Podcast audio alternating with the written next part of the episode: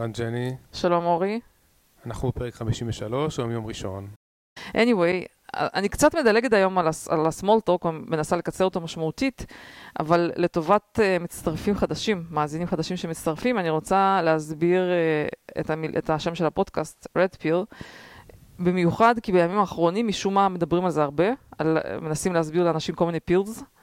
אז כשאנחנו, מה שאנחנו התכוונו אליו, שקראנו לפודקאסט Red Pill, זה כאילו להבדיל מבלו פיל, שבלו פיל זה כשאתה חי בסימולציה, ואתה נמצא באיזו מציאות מהונדס על ידי כל מיני גורמים שרוצים להנדס לך את, ה- את תמונת המציאות כמו שאתה חווה אותה, ו-red pill זה כאילו להיפתח, ל, להיפתח למציאות ולקבל נרטיבים קצת שונים, ואולי קצת יותר קרובים למה שקורה, או לפחות מתחרים. בסדר, להעלות את רמת ה-awareness שלך מעבר לקופסת הנרטיבים שאתה רגיל לקבל. בדיוק. כן. עכשיו, ה-inspiration במקרה שלנו היה בזמנו אילון מאסק, שעשה טוויט תרחיקי. בסדר, בתקופה שרק התחילו הוויכוחי קורונה, אם זה כן פלו או לא פלו וכל מיני שטויות כאלה, אז אילון מאסק עשה טוויט של משהו כמו take the red pill, או משהו Taking כזה. the red pill. כן, ושם כזה פרח או משהו כזה, ואני חושבת שלא היה לזה קונוטציה פוליטית, הוא באמת התכוון לסיפור של מטריקס, של, של באמת אה, לראות תמונה אחרת של המציאות. אז זה הכוונה שלנו, זה נכון שבארצות הברית הרבה פעמים יש לזה משמעות פוליטית, אבל זה לא מה שאנחנו, זה לא מה שאנחנו אז מתכוונים. את לא מודה שאת בצד האדום. אני חושבת שאתה בצד האדום, אני בצד ה... אני הייתי, הייתי מגדירה את עצמי independent. independent שכרגע. לא מוצאת הרבה דברים משותפים עם הצד הכחול, אבל, אני- אם הייתי צריכה כאילו to register, אה, אני נרשמתי ב- בקליפורניה, בבחירות של גם קליפורניה. אני נרשמתי כאן. אתה נראה שגם נרשמת כ independent? כן, בבקשה. למה אני צריך ל- אבל אני לבחור? מצטערת, אני לא חושבת שאתה כן. independent, אבל אין בעיה. בכל לא, מקרה, אני... לא היה משהו מספיק, אה, אה, איך קוראים לזה, שייצג את הדעות שלי. כן. כן. בכל מקרה, אני רוצה לה- להקריא טוויט אחד, שגם קצת לחדד את המסר הזה של red pill. The biggest red pill has always been having a credible organization write something about you and your friends. Once that happens, you never trust another mainstream thing you read again. זה בערך, אה, בערך מה שקורה להרבה ישראלים, מתי הם red pilled, כשהם רואים את הסיקור של ישראל בחדשות פה, בניו יורק טיימס וכל מיני כתבות כאלה, ואז השאלה המתבקשת לשאול, אם הם כותבים את השקרנות הזאת על ישראל, או על איזשהו נושא שאני מכיר אותו לעומק, או עליי, אז מה הם בעצם עושים לאחרים, וזה מה שגורם ל- red pilling בדרך כלל. ועכשיו אורי, יש עוד כל מיני סוגים של pills, נכון? אה, צבעים של pills, כן, חוץ אני מ-red רק ו blue. יודע על ה- על ה blue וה black, אני לא יודע מה כל לא, אז אה, מה שאני נתקלתי, היום נתקלתי or- ב orange pill, אבל orange pill זה משהו שקשור לביטקוין, לדעתי זו המצאה חדשה, אבל יש באמת black pill, ויש white pill, ויש purple pill. אגב, זה הזמן לקנות ביטקוין, כן, למי שרוצה. אנחנו נדבר על זה קצת, אבל ממש קצת. מי שלא אוהב את הנושא, אל תדאגו, זה יהיה ממש דקה וחצי. בכל מקרה, הבלק פיל זה כאילו שאנשים שרוצים לבאס אותך ולהגיד, תירגע, כאילו... אה, הכל אבוד. אתה חושב שאתה לקחת רד פיל ואתה חושב שהדברים יהיו, שתצליח עכשיו להבין את המציאות ולהתאים את המציאות ולשפר אותה ואנשים שנותנים לך בלק פיל זה כאלה שמבאסים אותך, אומרים כאילו, עזוב, תשכח, אין שום סיכוי, הכל חרא. לא, אני אגיד לך משהו. הבעיות ברד פיל, שזה באמת יותר מייאש. כאילו, במובן מסוים, הרבה יותר קל לחיות בסימולציה. בשבוע קיבלתי עונש, התלוננתי בשבוע שעבר שביידן מציף לי את הפיד עם תמונות שלו, אוכל גלידה, וביקשתי שיפסיק עם זה, וכעונש קיבלתי מלא תמונות של גלידה כל השבוע בפיד, של בן אנד ג'ריז. מה שיצא שם קצת מצחיק, שאולי לא כל האנשים הבינו, שהיה שם שלושה גורמים שונים של יונילי- יוניליבר, וחברת האם של בן אנד ג'ריז, והסניף בארץ, שכל אחד מהם עשה טוויט שונה, בזמנים טיפה שונים, ואנשים הצטרפו לחרם בנקודות שונות, וכל אחד ראה אינפורמציה טיפה חלקית, ובהתאם לזה התפתחו כל מיני גישות, אתה יודע, לחרם. ורוב האנשים נראה לי החליטו שהם לא מחרימים את הסניף המקומי, אבל את אלה, ש... אלה שזיהו קודם, כמו ביבי למשל, אז הוא כן הלך לחרם, נכון? של הסניף לקח המקומי? לי את הפאנץ', בסדר. כן, אבל לא משנה, כולם, אז זה גם גם הרסת אותו. ביבי היה הראשון שזיהה, מיד, מ- כמו שהוא הראשון שזיהה את אסון הכרמל. כן. ואז הוא מיד מיהר והוציא איזשהו טוויט או משהו כזה שהוא כאילו מחרים את בן אנד ג'ריס, ואחרי בערך איזה שעה אז פתאום כולם מתברר הסניף בארץ הוא בעצם רצה למכור בהתנחלויות ולא נתנו לו. בקיצור, זה היה כן. כזה סוג של אה, קומדיה, טרגדיה עם כל החרם הזה, שחלק אה, חלק החרימו, חלק לא החרימו. בשורה התחתונה, הסיכום של זה היה שאני ראיתי טוויט שאנשים חוגגים את הצלחת החרם על בן אנד ג'ריז, בזה שהסניף המקומי, המכירות שלו עלו ב-21%, שזה מראה כאילו את כל ה... זאת אומרת כמה שאם זה היה הסתבך. חייזר שנוחת פה ורואה את. הטוויט הזה, הוא לא היה מבין. הוא לא היה מבין מה, הוא לא, לא היה מבין מה קורה פה, ו- וזה קצת מצחיק, כולל תמונות, נגיד, שאיילת שקד, שהיא כאילו חוגגת את הצלחת החרם ומחזיקה ביד את בן אנד ג'ריז, נכון? זה לא, כל העסק הזה לא נראה הגיוני. היחיד שהבין נכון זה ביבי, סתם אני צוחקת. אה, אגב, יש אה, כזה סוג של אה, טענה, שזה לא, אם אתה נגד חרמות, אז למה אתה מחרים? כן, נגיד יש כאלה אנשים שאומרים, רגע, אתם כועסים על בן אנד שהם מחרימים, אז למה אתם מחרימים בחזרה? עכשיו, אני מצטערת, הטיעון של intellectually honest הוא, שאם מחרימים אותך, גם אם אתה נגד חרמות, זה לגמרי, אה, לגמרי הוגן להחרים בחזרה. זה אולי המקרה היחיד שאין מה לעשות. כאילו, זה הגיוני להחרים את מי שמחרים אותך, נכון? כן. אין פה שום דרך... אה, טוב, אה. בעניין הזה גם היה לי בן משפחה שהוא שמאלני, כן, שבעצם היה צריך להסביר לו מה קורה עם החרם, כי הוא למשל רצה לה- בדיוק את ההפך, הוא רצה דווקא להשתתף, לשתף פעולה עם Ben & Jerry's העולמית, כן? אז הייתי צריך להסביר לו שבשנה וחצי הקרובות, אז הוא אמור אה, לא לקנות Ben & Jerry's בארץ, ואחרי שנה וחצי, בדיוק. אה, אז להפסיק להחרים אותם, לא יודע אם יהיו בארץ או לא, אבל גם להפסיק להחרים אותם אה, בעולם. קיצור, זה כן, דורש תור במתמטיקה חישובית כן. לגבש את האלגוריתם של החרם הזה, ובגלל זה זה שעשע אותי כל הסיפור, אבל בחלק הלא משעשע, אני חושבת אה, שמה שראינו הפעם, זה היה peak BDS, והפעם אני הרגשתי שהם מה זה הפסידו, חטפו בחזרה, וחטפו בחזרה בכמה מישורים. שהיו אפקטיביים. מישור ראשון שהיה מאוד אפקטיבי, זה שאנשים במקום להתחיל להצטדק, כן כיבוש, לא כיבוש, וכל הסיבות, אתה יודע, בוא נשלוף מפה ובוא ננסה לדבר על זה, שזה תמיד פוזיציה מפסידה, כי מאוד קשה להתגונן נגד האשמות חריפות של אה, אה, פשע מלחמה וכל מיני דברים כאלה, ובעצם למדו בחזרה להחזיר כאילו באותו מטבע, להגיד אנטישמים, גלידה אנטישמית. עכשיו, ברגע שהברנד שלך מתחיל להיות צבוע עם כל מיני דברים של, אה, גם ראית את כל הצחוקים שהריצו עליהם, לדעתי זה מאוד מאוד פגע בהם, זה דבר ראשון. דבר שני שאני חושבת שהיה מאוד אפקטיבי, ומאיזושהי סיבה הופתעתי שבארץ לא היה הרבה סיקור של זה, שכנראה שבשנים האחרונות דווקא הישראלים כן עשו הרבה עבודה וקידמו הרבה דברים מאחורי הקלעים, וזה שראינו את ניו יורק, את פלורידה, מסתבר שיש להם שם חוקים נגד BDS, שאני אפילו לא הכרתי את זה, ומפעילים את החוקים האלה ושולחים ליונילבר מכתב, שאם תוך 90 יום אתם לא תבהירו מה שקורה, אנחנו, הקרנות הפנסיה שלנו, כי יש קרנות פנסיה גדולות של כל עובדי הציבור של המקומות האלה, לא, אנחנו נצטרך לצאת מה, מההשקעה במניה שלכם, לדעתי זה מאוד כואב, ואני חושבת שכל חברה לעתיד תחשוב פעמיים. פעם ראשונה ראיתי תשובה אפקטיבית ל-BDS הזה, בצורה שהיא באמת, אה, לדעתי, לגמרי אה, עוצרת את זה פעם אני הבאה. חושב שאת צדקה בסרט, ב- אוקיי. שאת חושבת שהרטוריקה של אה, הנה הם אנטישמים, להצביע על מישהו ולהגיד שהוא אנטישמי, שזה באמת עובד על מישהו. אני לא חושב שזה עובד, זה גורם לאנשים שהם בצד המאשים באנטישמיות להרגיש יותר טוב עם עצמם. אני לא מסכימה איתך, אני חושבת שכל סוג של חברה ציבור, חברה שהיא חברה מסחרית או ברנד, כשפעם הבאה, נגיד אתה מנכ"ל של חברה, פעם הבאה בא אליך מישהו, אומר, אני מבקש ממך להחרים את ישראל, להפסיק למכור שם, הוא כן חושב על, ה- הוא, הוא כן מבין שזה המחיר שהוא הולך לשלם, ולדעתי רובם יגידו, אנחנו חברת גלידה, אנחנו לא מתעסקים בפוליטיקה, עזבו אותנו. אנחנו לא יכולים להיכנס לזה, אנחנו בסך הכל חברת גלידה. שזה תכלס התשובה הנכונה לכל, לכל האנשים האלה. המעניין זה שלא שמישהו אחר מבטיח להחרים אותו אם הוא לא יחרים את ישראל. נגיד, שהיה את החרם הערבי, אז הם כאילו אה, הבטיחו להחרים, איימו להחרים חברות שלא יחרימו את ישראל, בסדר? כן. אני חושב שהמקרה של Ben & Jerry's זה סתם כאילו אה, יוזמה שלהם, להיות כאילו איכשהו יותר... אה, כן, זה וואו. הגיע מהם, נכון. זה הגיע מהם, אבל אני, אני אומרת, אני חושבת שאנחנו בפיק מהסיבה שבאמת אה, הם למדו גם, אגב, כל מיני נושאים של social justice אחרים שהיו בארצות הברית, שהם למדו שזה קצת, זה losing position, אתה לא באמת מרוויח, כי יש לזה גם pushback, ואנשים פתאום, נגיד מי שהתפטרה מהחברה אמרה, אני לא מוכנה לעבוד בחברה שתומכת באנטי ציונות. הם לא צריכים את הכאב ראש הזה. עדיף להם, לדעתי, לקחת פוזיישן של להגיד, אנחנו לא מתעסקים בפוליטיקה, עזבו אותנו. זו התחושה שלי. אבל אני הולכת לדבר על זה כי יש לזה הקשר יותר רחב, כי לדעתי אנחנו לא רק בפיק BDS. אנחנו לדעתי בפיק עוד משהו, ואתה, יש לך, אתה חושב... שאתה לא, אני רוצה רק להתקדם בנושאים, זה הכל. כן, אבל אה, אני אה. מחבר את זה למשהו יותר מעניין, אוקיי. אפשר להתקדם? רק שתדעו לכם שאורי כאילו, אנחנו בט"ו באב, או אתמול היה לנו ט"ו באב, ואני מאוד אוהבת אותו. אנחנו בתשעה באב.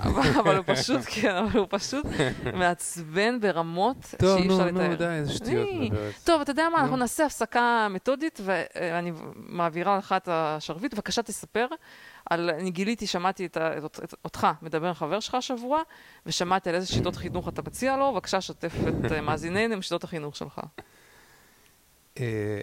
אה, אני לא לא אסגיר את הנפשות הפועלות, יש לי... לא, אתה, מה זאת אומרת, אתה שחקן ראשי. כן, אנחנו כבר עבר, עבר. הרבה זמן מאז שאנחנו היינו צריכים להרדים ילדים בלילה, אבל אנשים שמתמודדים עם הדבר הזה לפעמים נכנסים לאיזשהו מצב קשה, שהילדים פשוט מתרגלים שהם שולטים, ואני הייתי בתפקיד סופרנניו, כן? אה, מתרגלים שהם שולטים ושהם מחליטים מתי הם הולכים לישון, ואותו חבר שלי בעצם אה, היה נאבק אה, לילות עד 11 בלילה או יותר, עם ילדים שהסכימו ללכת לישון. ואמרתי לו כל הזמן, תקופה ארוכה, אתה כאילו, יש לך, אתה חייב לשנות אסטרטגיה, אתה לא יכול כאילו להיות במלחמה הזאת, כאילו, זה לא הגיוני. אז לפני זה כמה ימים אמרתי לו, כאילו, בוא תקשיב, תראה מה תעשה.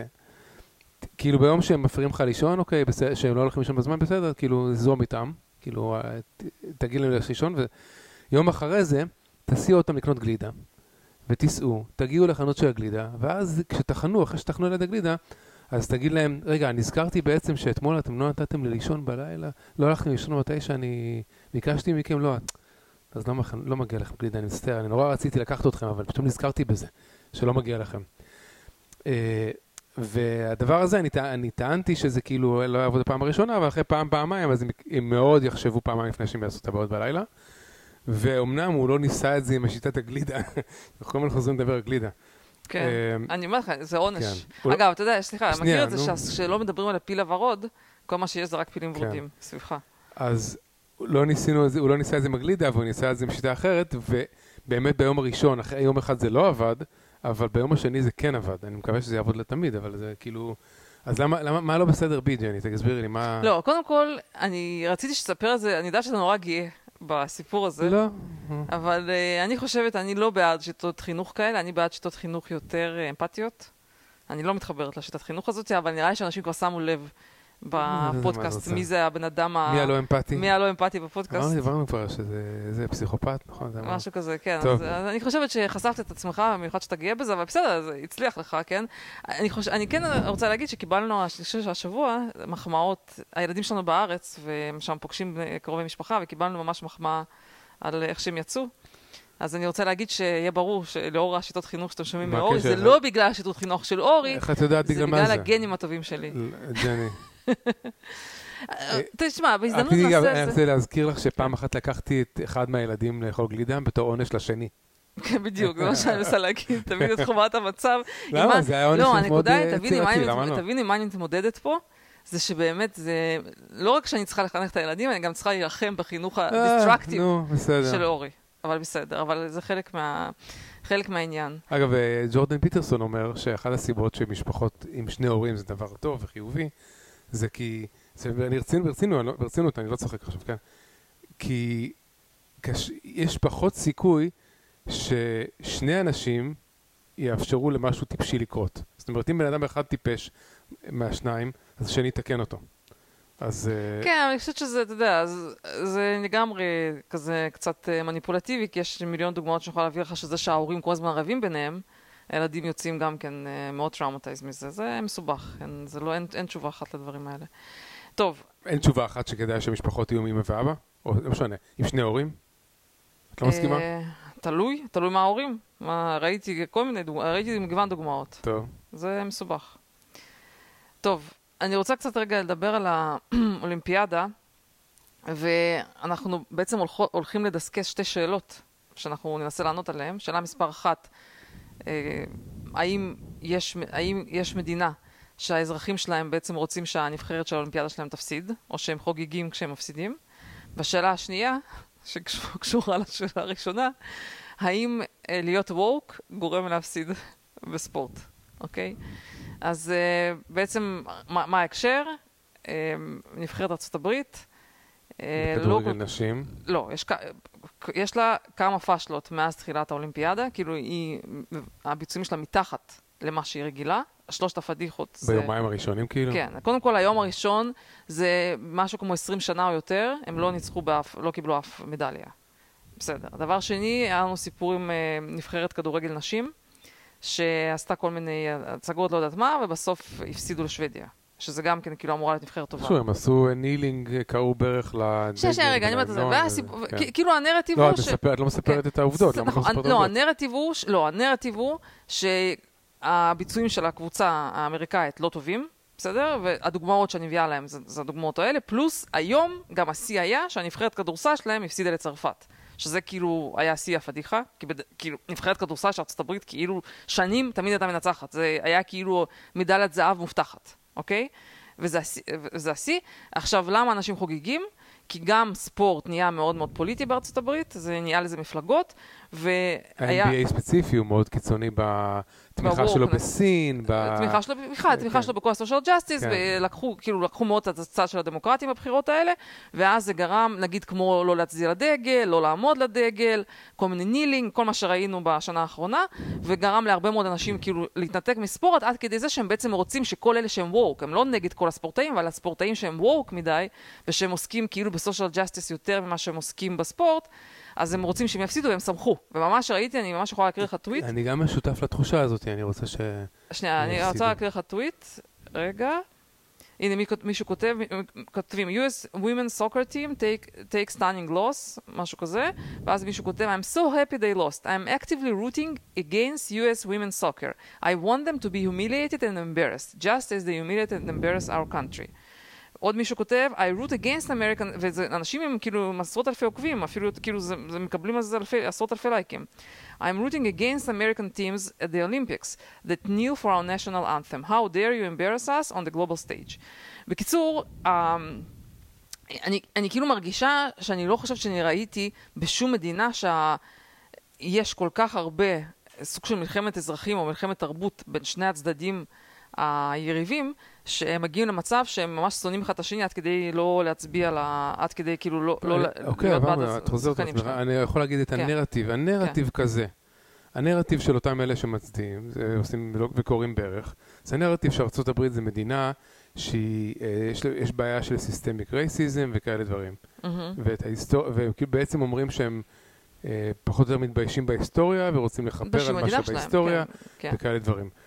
עכשיו, לעשות את זה, לכבס את הכביסה, הכביסה המלוכלכת בחוץ, זה אקט שהוא יותר בזוי מבחינת הצד השני, מאשר לעשות את זה בבית. זאת אומרת, לא- אם אתה במשחק פוטבול אה, קורע ברך, יאללה, אה, לפחות רק האמריקאים רואים את השטויות האלה. אבל ללכת לתחרויות בינלאומיות וכאילו להגיד... להחרים, החרימו טקס הפתיחה או משהו כזה, כל מיני דברים הזויים ברור, כאלה, כן. זה, זה, זה מביש, זה ממש מביש. לגבי הספורטאיות של הכדורגל, אני רוצה להגיד, קודם כל אז הם החרימו את הטקס פתיחה, כמו שאת הזכרת, והם אה, אה, לא, אה, קראו ברך בהמנון, ודווקא ביום השני אני חושב שהם כבר לא עשו את זה, ולדעתי זה תוצאה של איומים שהם קיבלו, כלומר מהממונים עליהם, והבינו שהם כבר לא עשו את השטויות האלה. אז פה יש שיפור. רציתי עוד להגיד שסקוט אדמס דיבר על זה, ואמר שמבחינה פסיכולוגית, מבחינת קרמה, אנרגיות, לא משנה מה, אם, ברגע שאתה מש, שם את הגוף שלך במצב של קריאת ברך, בזמן שהמתחרה מולך עסוק בלחשוב מחשבות ניצחון, כן? אז בעצם אתה משדר לגוף שלך גם מחשבות לוזריות. כאילו כל ה... יש קשר תיאורטי בין זה שהם עשו מחווה שמציגה אותם כמו לוזריות, לבין זה שהם הפסידו. שאלה, אורי, שאני שואלת, זה האם ארצות הברית יכולה להתאושש מהשנה, מהשנה הזאת שעברה עליה, כן? אז אני אומרת, הקטע של הספורט, הפסידו נניח איזושהי, משהו שאפשר לצאת ממנו. משהו זמני, אנ- אנקדוטלי, גם נראה לי שהם כן עכשיו מתחילים לקבל מדליות. זה לא ייווצר מצב שארצות הברית לא תקבל מדליות באולימפיאדה הזאת. ו... אבל אני חושבת שיש פה שאלה כללית יותר של פסימיות כזאת לגבי כל המצב של המדינה, שאנשים, חלק לא מוכנים, אמ, אה, אתה יודע, לכבד את הדגל, חלק לא מוכנים לכבד את השחקנים, כאילו כולם רבים עם כולם, כמו איזה חצי מלחמת אזרחים כזאת. והתחושה שלי שעברה שנה ברמה של כאילו דרסו אתכם טרקטור. תחושה כזאת מאוד מאוד לא טובה ולא נעימה. חלק מזה קשור לזה שאני חושבת שהשפילו את טראמפ ואת התומכים שלו, אתה יודע, שהם נאצים ולא יודעת, אה, אה, איך קוראים לזה, גזענים, ואת כל הדברים הגרועים שעשו, ואנשים פשוט באמת בהרגשה מגעילה. אנשים באמת רבו אחד עם השני. ואני רגע הולכת להקריא לך אה, פול שפורסם היום, שזה פול של ABC News, הוא אומר ככה, Americans' optimism about direction of country has plummeted nearly 20 points since May. זאת אומרת, אנחנו ממש בקריסה, ובכלל, באופן כללי, אותו סקר אומר ככה, Biden heavily underwater with independence when it comes to crime, gun violence and immigration. Uh, Biden's approval גם על, בנושא של COVID, גם כן במצב לא טוב. That's very bad news for Biden. The economy and COVID were supposed to be his safeguards, but he's close to losing double-digit support on both issues since March. בעצם אנשים נפתחו להם העיניים, רואים את המצב. עכשיו צריך לציין, למה האקונומי היה אמור להיות אישו בטוח מבחינתו? כי הוא הגיע, היה לו מזל שהוא קיבל מדינה שאחרי קוביד מתאוששת.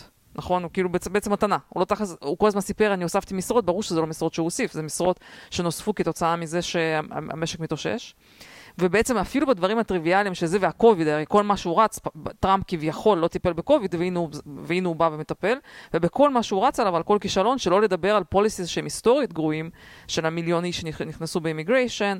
בקיצור, כולם בהרגשה גרועה, שום דבר לא עובד. ואני חושבת שבאמת יש כזאת פסימיות כללית, שאני לא כל כך מבינה איך יוצאים מזה. אין, אין לי כאילו איזו תשובה, חוץ מזה שלדעתי פשוט לא טוב, אני רואה את זה. אה, ואני חושבת שגם אנשים נוספים מרגישים. אה, אבל אני כן חייבת להגיד משהו ש... שהיום פשוט נחרדתי. פתחתי CNN, פשוט עניין אותי לראות מה יש ב-CNN.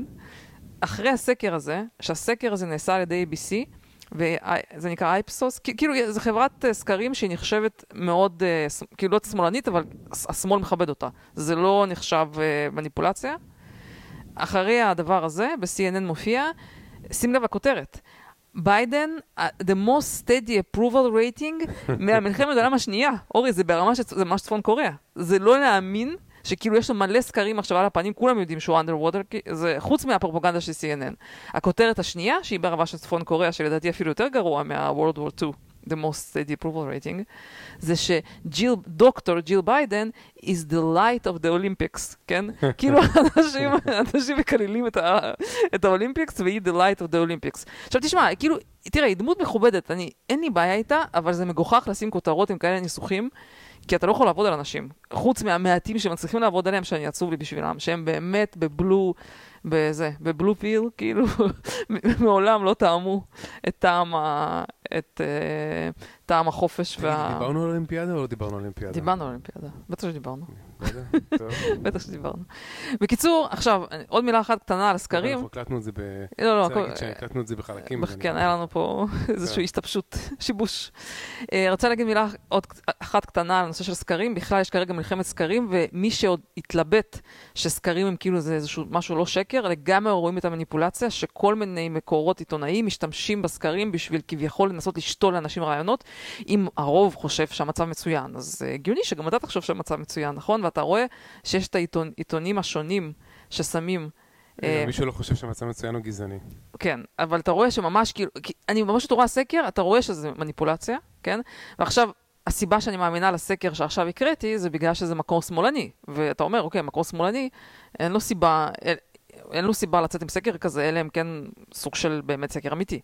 עכשיו, השאלה באמת שמעניינת שנשאלת, שאני לא בטוחה שיש לי תשובה לגביה, מה פתאום הם החליטו להוציא כזה סקר? כי אתה אומר, אוקיי, שימשיכו עם הפרופגנדה, מה, מה הטעם להגיד את זה, אם זה פרופגנדה הכל? אני אגיד לך. בבקשה.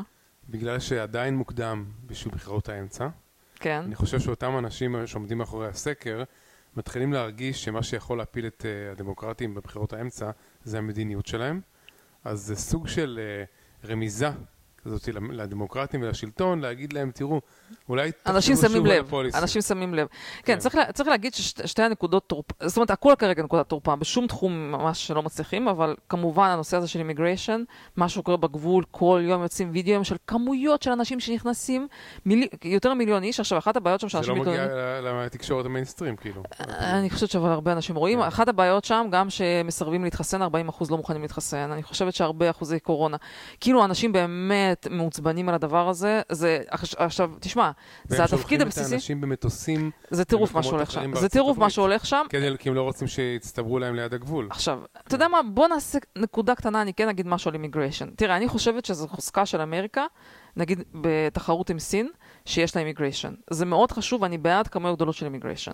וגם צריך immigration של אנשים שהם, הם, הם, לא כולם צריכים להיות דוקטורים ופרופסורים, כי צריך כל מיני סוגים של אנשים שיעבדו פה, כן? כאילו זה נכון לקבל מגוון של אנשים. הבעיה פה זה כאילו החוסר קיום של החוקים. אגב, אני לא מסכים איתך, לדעתי צריך לקבל רק את האנשים הכי פרודוקטיביים מכל העולם. שנייה, זה, רגע, רגע, זה... שנייה, אין, לא, אין בעיה, כן. אבל שנייה, אבל מה שאני רוצה להגיד, הבעיה של רוב האנשים זה לא שאנשים, הרבה אנשים תומכים ב immigration. הבעיה זה החוסר חוקיות של מה שקורה, שפשוט הגבול פרוץ. נכנסים פושעים, נכנסים כל מיני קרטלים של סמים, יש דברים, נש, נשק, קוביד, כאילו אנשים, מה הבעיה פה? שבגדול התפקיד של הנשיא מבחינת constitution זה לאבטח את הגבול. זה התפקיד שלו, בשביל זה בוחרים אותו, זה באמת התפקיד שלו, בשביל זה משלמים מיסים. וזה שהם לגמרי ויתרו על זה, אה, אז אנשים מעוצבנים. עכשיו, נקודה קטנה, כן להגיד לטובת ממשל ביידן, יש בעיה בארצות הברית שכל המערכת הפוליטית היא dysfunctional. כבר שנים רוצים לעשות רפורמה ב immigration בשביל להגדיל את המכסות ולעשות רפורמה יותר יעילה, ובגלל ששני הצדדים האלה רבים מהבוקר עד הערב והם לא מצליחים לעשות משהו פרודוקטיבי, כאילו הגיעו למצב שהדמוקרטים רוצים להגדיל את ההגירה, אז זה פשוט יאללה, עשו את זה פרוץ. כאילו, חלק מהבעיה היא בעיה בשיטה, אבל עדיין זה כמובן לא דרך פשוט לפתוח את הגבול, במיוחד בתקופה של קורונה. לא יכול להיות שלא נשים, לא נותנים לאנשים להיכנס כל מיני בדיקות קורונה בכניסה במטוסים, אבל כל מי שנכנס בגבול, כאילו, אללה בבאללה. זה באמת, ברור לי שאנשים מוצבנים. דבר שני שאנשים מעוצבנים... העניין של הגבול, כן. ביידן, הם פשוט לא רוצים להודות בטעות. שהם כאילו הייתה להם מדיניות מסוימת בגבול בהתחלה, ואם עכשיו הם יעשו U-turn, אז הם בעצם יודו בטעות שלהם. הם חייבים, כאילו, האסטרטגיה שלהם זה בעצם כאילו איכשהו לתת לזה, איכשהו להיעלם, אולי... כן, אבל הבעיה שזה לא... יפסיק או משהו ו... בדיוק, אבל מה הבעיה? שכל חודש זה צובר, צובר את השיא של החודש הקודם. כאילו, אני לא יודע, השיטה הזאת לא עובדת, אני לא יודעת אפילו מה להגיד על זה, יהיה להם מחיר כבד על זה לדעתי בבחירות האמצע. לדעתי מאוד כבד. בעיה שנייה, שהיא לא פחות חמורה, זה בעיית הפשע. מה שקרה עם defund the police, שבסוף הם כמובן עכשיו חזרו בהם, אני חושבת שאפילו אנחנו נדבר על זה בהמשך, אבל זה שכאילו המשטרה איבדה הרבה מהכוח שלה והרבה מההרתעה שלה והם מפחדים, וגם הרבה שוטרים התפטרו, והם לא רוצים להיות יותר במשטרה, בגלל שהם מפחדים גם. כאילו מפחדים שלא יודעת מה, יעשו משהו ואחרי זה... אז בעצם הגיע למצב שגם אזורים שכביכול פעם היו אזורים בטוחים, פתאום עכשיו בוושינגטון די.סי היה איזה מסעדה יוקרתית שפתאום ירו שם. אז כאילו אנשים פתאום מתחילים להרגיש, גם מי ש... כל מיני אליטיסטים כאלה שהיו רגילים ש... אתה יודע, הם ממליצים לבטל את המשטרה בכל מיני שכונות שזה לא נוגע בהם, פתאום הם קלטו שזה הגיע גם אליהם, וגם אני ראיתי ממש מלא טוויטים מאנשים שהם אף... תמיד היו כאלה בעד defund the police, פתאום שהם כאילו בשוק ממה שקורה. אז תשמע, זה דברים שאנשים מוטרדים, אין, אין פה... אגב, AOC הייתה הרי בעד defund the police, כן. אבל אה, עכשיו שהיה שני ביליון דולר של תקציב בשביל ה Capitol Police, אז היא תמכה בזה. כלומר, להגן עליה היא מוכנה לא... להוציא שני ביליון. יש, יש לדמוקרטים בעיה שהרבה מה policies שלהם הם מאוד לא הגיוניים, לא common sense, ומאוד קל לתקוף אותם על זה. וזה לא מפתיע אותי שזה המצב של הסקרים. והכתובת על הכביש. זה לא מפתיע אותי שזה כן. המצב של הסקרים. כתוב defund the police על הכביש. אני לא כל כך מתכוון, אני לא כל כך מאמינה, לא כל כך מבינה איך הם מתכוונים לצאת מזה, אמ, חוץ מלהדפיס כסף, אבל הנה, גם מדפיסים כסף אינפלציה, בקיצור. טוב, רציתי קצת לעבור לנושא של בידור. זה כאילו אנחנו היום במוד של מונולוג, אני מבין. לא, אני דווקא רוצה, אני יודעת שיש לך איזה נושא שאני רוצה לתת לך הזדמנות לדבר. אוקיי. רציתי לעבור לתחום של בידור ולדבר על כל מיני דברים אה, חצי מצחיקים, חצי עצובים שקרו השבוע, ואתה רצית לספר איזשהו סרט שראית, נכון? או שזה לא עכשיו, זה לא זמן טוב. לא אכפת לי מה שאתה שאני אספר, אבל תודה רבה שנותנת לי לספר גם, כן? כן, בבקשה.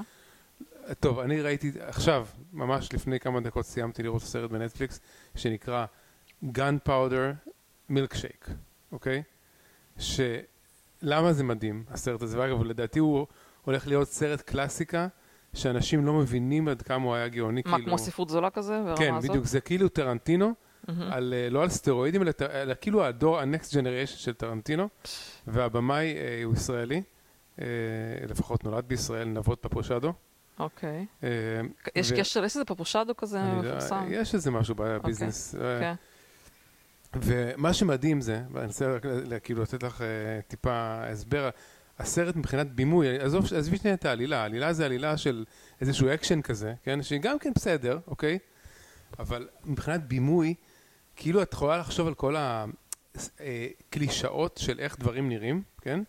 נגיד איך דיינר נראה. מה זה דיינר? שיש לך מושבים ויש כזה stools כאלה גבוהים קצת, ושיש אה, את המלצרית שהיא עם כזה חלוק טורקיז וכזה קשר, בח... כאילו כל דבר, כאילו כל מושג, או נגיד ספרייה, כל, כל דבר, כל אה, סצנה שנמצאת שם, היא כאילו השיא של השיא של הקלישאה, של הקלישאה, באיך שהיא נראית, אבל, אבל כאילו לגמרי מוגזם, וזה כאילו מדהים, כאילו איך שהוא עשה, כאילו זה, זה היה מכוון. אני מבינה, זה אומנותי מאוד, אני מבינה מה שאתה לגמרי אומר. אומנותי, כל התצלומים, הכל סימטרי, כל, אתה רואה, יש, רואים חדר, והדברים בחדר הם סימטרי, והמצלמה בדיוק באמצע, וכאילו זה פשוט מבחינת בימוי, וגם המוזיקה בסדר, ולגמרי כאילו אחד הסרטים שבעצם... תראה, אין לי ספק, אני סומכת עליך, שאתה, אני בטוחה שאתה צודק. אני יודעת שאני לא אתחבר כי אני הכי קיצ'ית שיש, תביא לי סרטים כאלה, שמלות וסרטי אהבה וכאלה. אין לי, אני בטוחה שאתה צודק מאה אחוז, אבל מעניין אותי לבדוק האם אתה צודק לגבי, ה, נקרא לזה דעת המיינסטרים היום. אומרת, נכון, אני מחכה לבדוק. זה, מה שמעניין כן. מה- כאילו, אני, אני יודעת שזה פחות, בקיצור, אתה מבין? כן, הסרט הזה בנטפליקס, אני חושב, אה, הוא קיבל שש נק- שש מתוך עשר נדמה לי בציונים. שזה כן. כזה כאילו לא משהו. כן, אבל אני בטוח שיש אנשים שלא אבל מבינים. זה נגיד, אתה אומר כן. שזה סרט שבקטע של אוסקר, אם נגיד אוסקר לא מזהים אותו, או כל מיני כאלה פסטיבלים, אז הם לגמרי איבדו כיוון, לדעתך.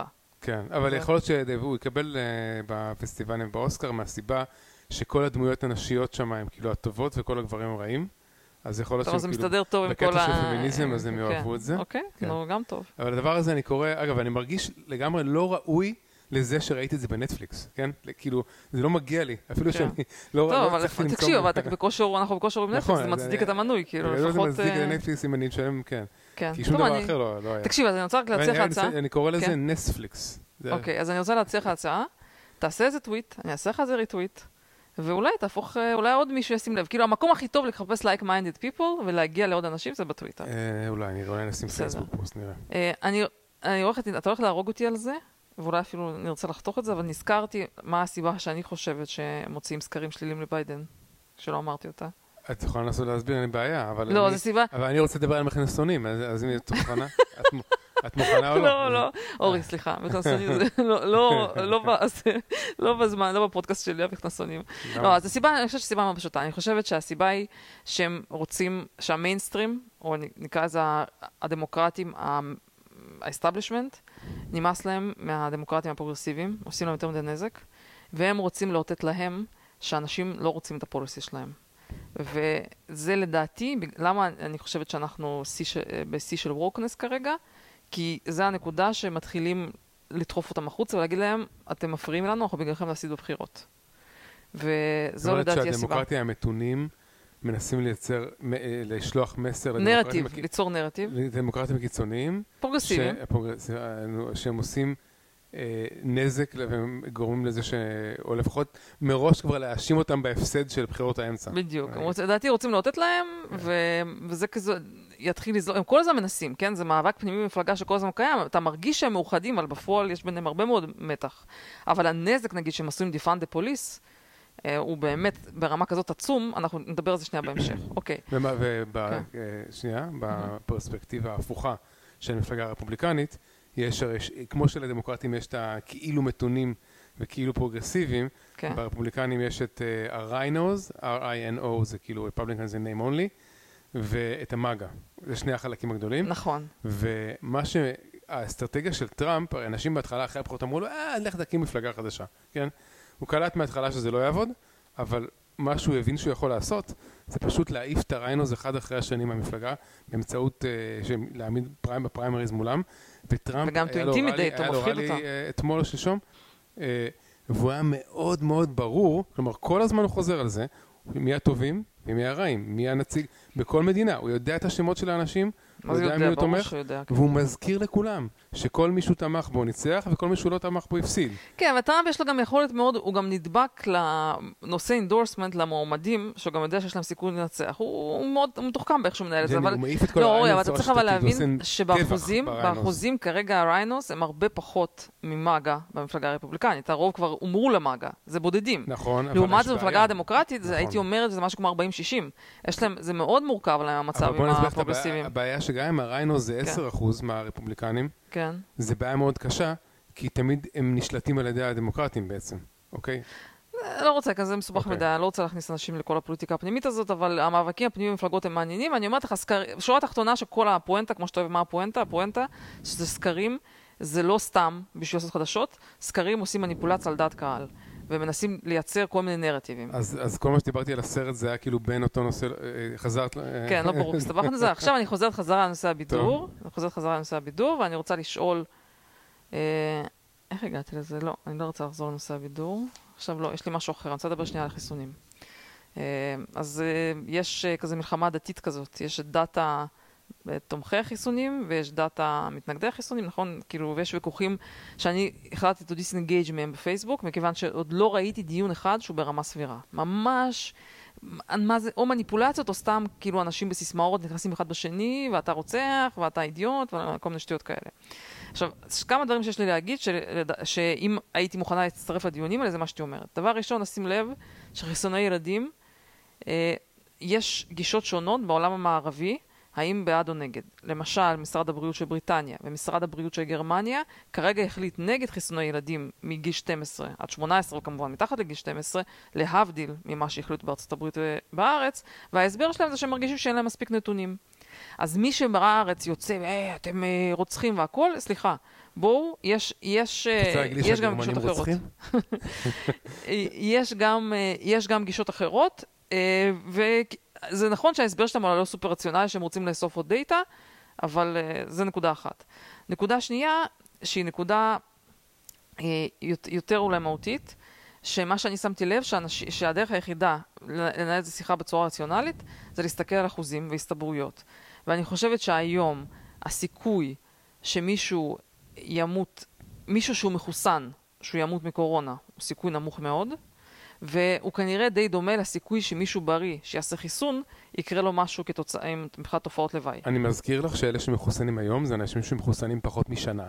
אוקיי? אבל... ולכן זה יכול להשתנות. יכול להיות שפתאום מישהו מחוסן שנה, נכון, באותה מידה, בסיכון גבוה. נכון מאוד, אבל באותה מידה גם יכול להסתבר שיש אולי תופעות לוואי מהחיסון שלא ידעו. עתידית אנחנו יודעים שיכולות הפתעות. כבר, אני חושבת שמי שהלקח הכי גדול שאנשים צריכים ללמוד עד עכשיו, שכל הדעות הקטגוריות שאנשים ידעו הכל, שבסוף יש הרבה דברים שהיו הפתעה, לא הכל יודעים. אפילו פאוצ'י לא ידע שהחיסונים מדבקים, שה... לא, ברצינות, למשל הסיפור הזה, שכל ה-breakthrough infections, יש הרבה יותר כן. ממה שחשבו, וגם אנשים, גם שמחוסנים. breakthrough infections זה שנדבקים מאנשים מחוסנים. מישהו מחוסן, כן, וזה הפתעה, ואנשים צריכים להודות לא לטאטא את זה מתחת לשולחן, זה הפתעה כל הסיפור הזה, ואני ראיתי מלא אנשים מאוד ברמה, גם כאלה שקשורים לממשל היום, שאומרים שהיה פאש להם הדבר הזה, שלא מספיק דיברו זה, על ה-breakthrough infections. אני יכול לדבר שנייה על ההיגיון פה, אני רציתי... לא, אני רק רוצה לסיים את הנקודה, ואז אוקיי. רק הנקודה היא כזאת, אני אומרת... כי אני לא יכול לנחש מתי נסיים את הנקודה, כן. כי אני רגיל שאני לא יכול לזהות את זה, אז אני מנסה להיכנס. אז אוקיי, אז יש פה איזה טיעון אתי, שמי שלא מתחסן, הוא כאילו רוצח, נכון? הוא כאילו פוגע בכלל. עכשיו, כן. מה שאני מנסה להגיד, שבשביל להכריע האם מבחינה אתית האנשים האלה שטוענים את זה צודקים או טועים, צריך להסתכל בצורה רציונלית על הסתברויות. הסיכוי שמישהו היום שהוא מחוסן, יקרה לו משהו כתוצאה מהקורונה, סיכוי אפסי. הסיכוי, כאילו, אפסי אך לא קיים. אמרו 88 אחוז אה, אה, בהצלחה במניעת אשפוזים למחוסנים, זה מה שאמרו. אבל אתה רואה, אתה שוב, לא נותן לי לסיים את הנקודה. משהו, משהו, משהו דרמטי, נגיד מחלה מאוד קשה או מוות. אוקיי? Mm. סיכוי, יש סיכוי שהוא מאוד נמוך. תגידי, אל תגידי 0%, אל תגידי את זה, זה לא נכון. אוקיי. הסיכוי שבן אדם שמתח... בריא, שמתחסן, שיקרה לו משהו כתוצאה מתופעות לוואי, סיכוי נמוך, הקיים. תופעות לוואי של החיסון. כן. כן. להערכתי, זה פחות או יותר אותם המספרים. זה מאוד קשה לבדוק את זה, אבל בוא נגיד לצורך העניין, כרגע נגיד שזה דומה. ולכן, אתה לא יכול להאשים את אלה שלא מתחסנים בבעיה אתית. אני באמת לא רואה. כאילו, אתה לא, אם, אם הסיכוי באמת דומה, אז את, אה, מה לעשות, צריך להניח שמי שמקבל את ההחלטה לא להתחסן זה סביר. אין פה איזה בעיה אתית. אני רוצה מוסרית. לחדד את זה. אני, כן. אין לי משהו יותר מדי חדש להגיד, אני רוצה כן. לחדד פה את העניין. כן. יש את השני מחנות האלה, בואו ניקח את השיח בארץ, שהוא טיפה יותר קיצוני ויותר ברור להגיד, mm-hmm. אוקיי? פה יש כאילו הרבה יותר, אה, אה, איך קוראים לזה, דברים קטנים שמשפיעים, וגם פוליטיקה והכל. בואו נדבר שנייה בארץ, שזה לא פוליטי, השיח. נכון. אנשים אומרים, רוב האנשים שכאילו בעד חיסונים, בדת של החיסונים, אומרים, כולם חייבים להתחסן, כשאנחנו נתחסן כולנו, אז אנחנו ניפטר מהקורונה, וכל אחד שלא מתחסן, הוא בעצם מרחיק אותנו מסיום עם המחלה, אוקיי? זו טענה אחת. כאילו שבגללו יש וריאנטים חדשים. כן, ויש, לא רק וריאנטים, אנחנו רוצים לפתוח חזרה את המדינה, כן. שיהיה אפס חולים שוב פעם, אוקיי? כן. וכל מי שלא מתחסן, הוא, הוא דופק אותנו. Mm-hmm. ומה שקורה היום, בגלל שכבר לפחות כמה שבועות, הבינו שאנשים מחוסנים מקבלים את המחלה ומעבירים את המחלה, בסדר? אז זה פחות או יותר הוציא את הטענה, את הלוגיקה הזאת של מחנה המתחסנים, את ההיגיון מזה. זאת אומרת, מחנה המתחסנים לא יכול להגיד לי, אתה חייב, אתה חייב להתחסן כדי שאנחנו ניפטר מהמחלה ויותר לא יעבירו אותה בקהילה שלנו, כן? אז זה כבר לא עובד. אבל הם נתקעו את התקליט הזה. אותם אנשי התחסנות, לא שאני בעד התחסנות כמובן, אין לי שום, שום דבר נגד זה, אני התחסנתי. אבל הם נתקעו, הטעות האסטרטגית שלהם, טקטית, שהם נתקעו על התקליט הזה, שאומר, שהוא פשוט לא נכון, חייבים נכון, לתת יד ולהתחסן. הם נתקעו על טיעון ו- חלש, כן, זה הבעיה. והם לא זזים. והם לא זזים והסיבה שהם לא זזים זה כי הם לא מצאו טיעון ממש טוב שהוא אחר שהם יכולים לקפוץ אליו. יפה, אז בואו אני אעזור להם, כן. אני רוצה לעזור להם לתת להם טיעון ממש טוב. הנקודה היא כזאת, okay. אוקיי. שכמו שהסברתי כרגע, תרדו מהסיפור של המוסריות והביוש של הצד השני והכל. כמו שבקפיטליזם בסוף יש עניין של אינסנטיבס. רוב האנשים, הסיבה שלא מתחסנים זה שמהססים. בסדר? זה שהם אומרים, מה, אני עכשיו לוקח סיכון, לא יודע מה, אני פה, יש... יש... הסיבות הן לא כל אחד דתי. בסדר? רוב האנשים לא רוצים, כמו שאנשים לא אוהבים ללכת לעשות בדיקת דם, ולא רוצים ללכת לגינקולוג, ולא אוהבים ללכת לעשות בדיקת, אה, לא יודעת מה, ממוגרפיה ודברים כאלה. אנשים עורכים זמן. זה, זה טבעו של אדם. אז הדרך לפתור בעיות כאלה זה בצורה של אינסנטיבס. תמצאו אינסנטיבס שישכנעו את האנשים להתחסן, זה הכל. ברגע שהם יצאו מהלופ הזה שמנסים כאילו להוציא אותם רוצחים וכאלה, יש, אנשים גם לדעתי עושים דווקא, אנשים נ, נ, כאילו נתקעים בתוך הטיעון הזה ודווקא לא רוצים ללכת להתחסן ולוותר.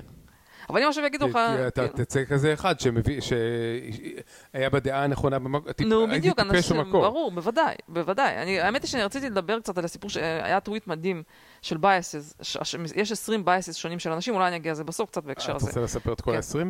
לא, מה פתאום, בחרתי רק שניים שבעיניי הכי מעניינים. אוקיי? אולי שלושה. אבל בארץ עכשיו יש ביקורת על אלי אבידר, שהוא חבר כנסת, עכשיו הולך לשר, אני חושב, מהמפלגה של ליברמן. כן. שהוא כאילו היה כזה מסוג המתנגדי החיסונים די בהתחלה, הוא לא כל כך שינה את הדעה שלו, כי, כי זה מבייש לשנות את הדעה. כן. ופתאום התגלה שהוא התחסן בסתר, כולם יורדים כן. עליו, איזה... לא, אבל זה בדיוק הקטע, שאנשים... שנייה, מה... שנייה, כן, אני אתניס... כן, סליחה.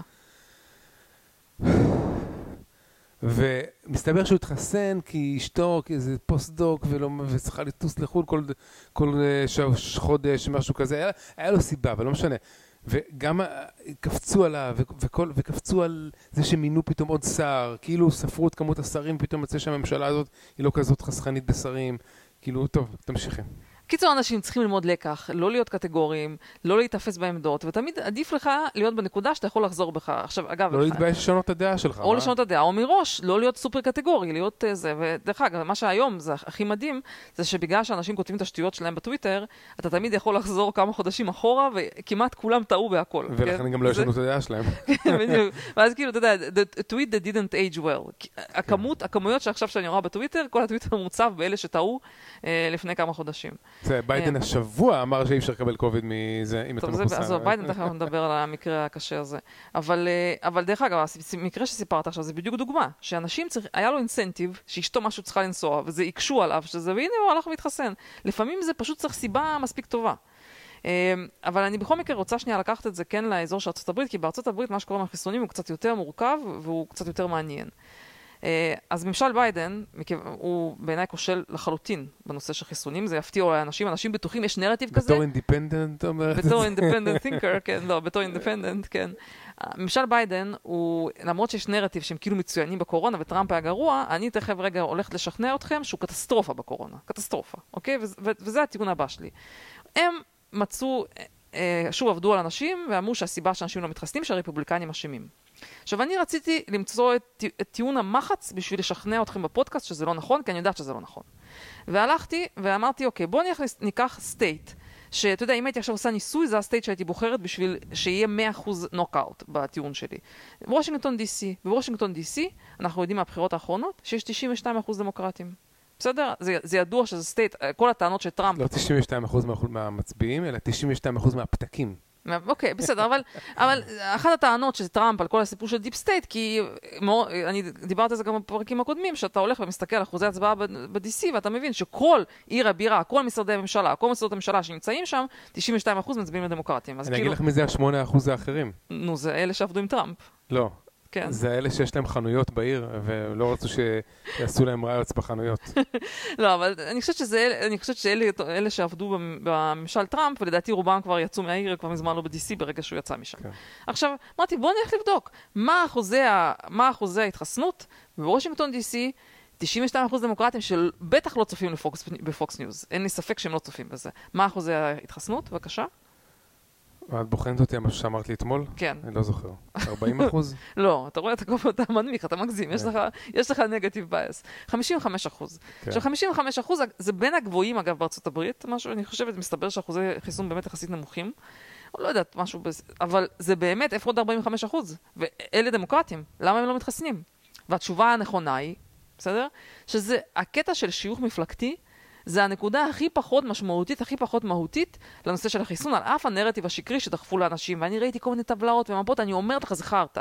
רוב האנשים לא מתחסנים מסיבות של היסוס, שסתם אין להם כוח, אין להם זמן. אבל זה גם אנשים. שלגמרי, למשל, לגמרי לא מעורבים בפוליטיקה, ואולי אפילו לא הצביעו. כן, בדיוק. זה- אז עכשיו, ל- עכשיו, למה אני טוען שביידן כושל?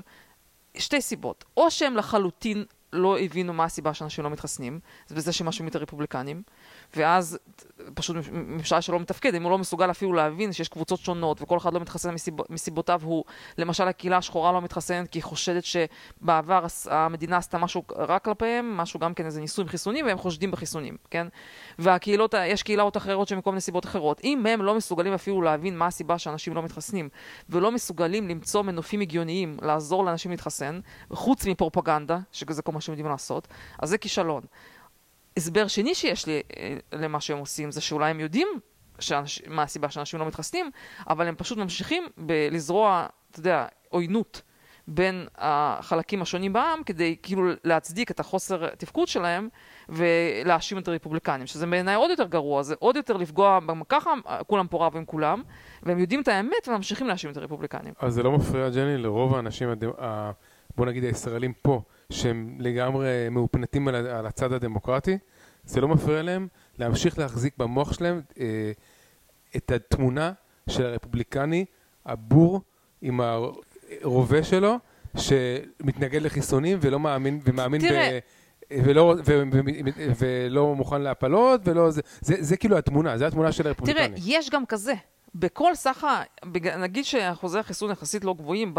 לא יודע, ב-100 מיליון איש שעדיין לא התחסנו, אפילו יותר, יש גם כאלה.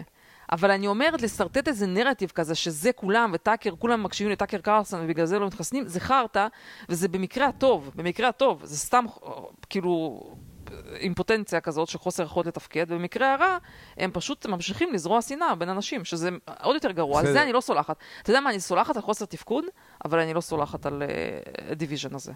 אם את הזכרת וכי הם את משחקים את טאקר, הדיסנסי, אז דיסנסי. אני רק רוצה לא. להבהיר שמה שטאקר עשה, הוא לא- בתוכנית שלו, הוא לא מתנגד לחיסונים, כן?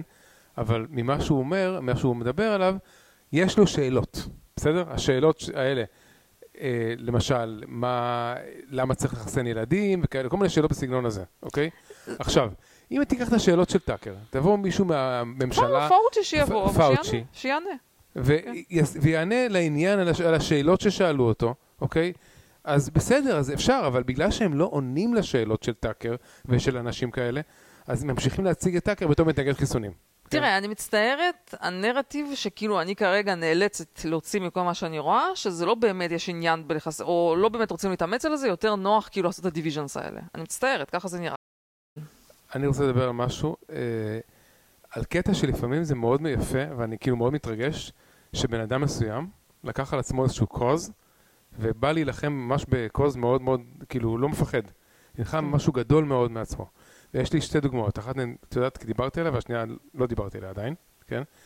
הדוגמה אחת זה שסקוט אדמס, האהוב ליבי, שהסטפסן שלו מת ממנת יתר של פנטניל, כשהסינים הם בעצם אלה שמוכרים את הפנטניל לארה"ב דרך הגבול עם מקסיקו, וכאילו ככה זה מגיע, ובערך איזה 60-70 אלף אמריקאים מתים בשנה, אבל שמעתי יותר, שמעתי. אפילו מספר של 90 אלף. ויותר כנראה, וסקוט אנס גם טוען שסין תאורטית גם יודעת את, על אלה ששולחים, והיא תאורטית היה מסוגל לעצור, מסוגלת לעצור את זה. אז הוא החליט לק- לפרוץ למלחמה נגד סין, ובתור התחלה, ביריית הפתיחה הוא אמר שהוא הבטיח לכולם שהוא לא, מנס, לא מתכנן להתאבד, אז שלא ינסו לגרום לו להתאבד. אה, כן.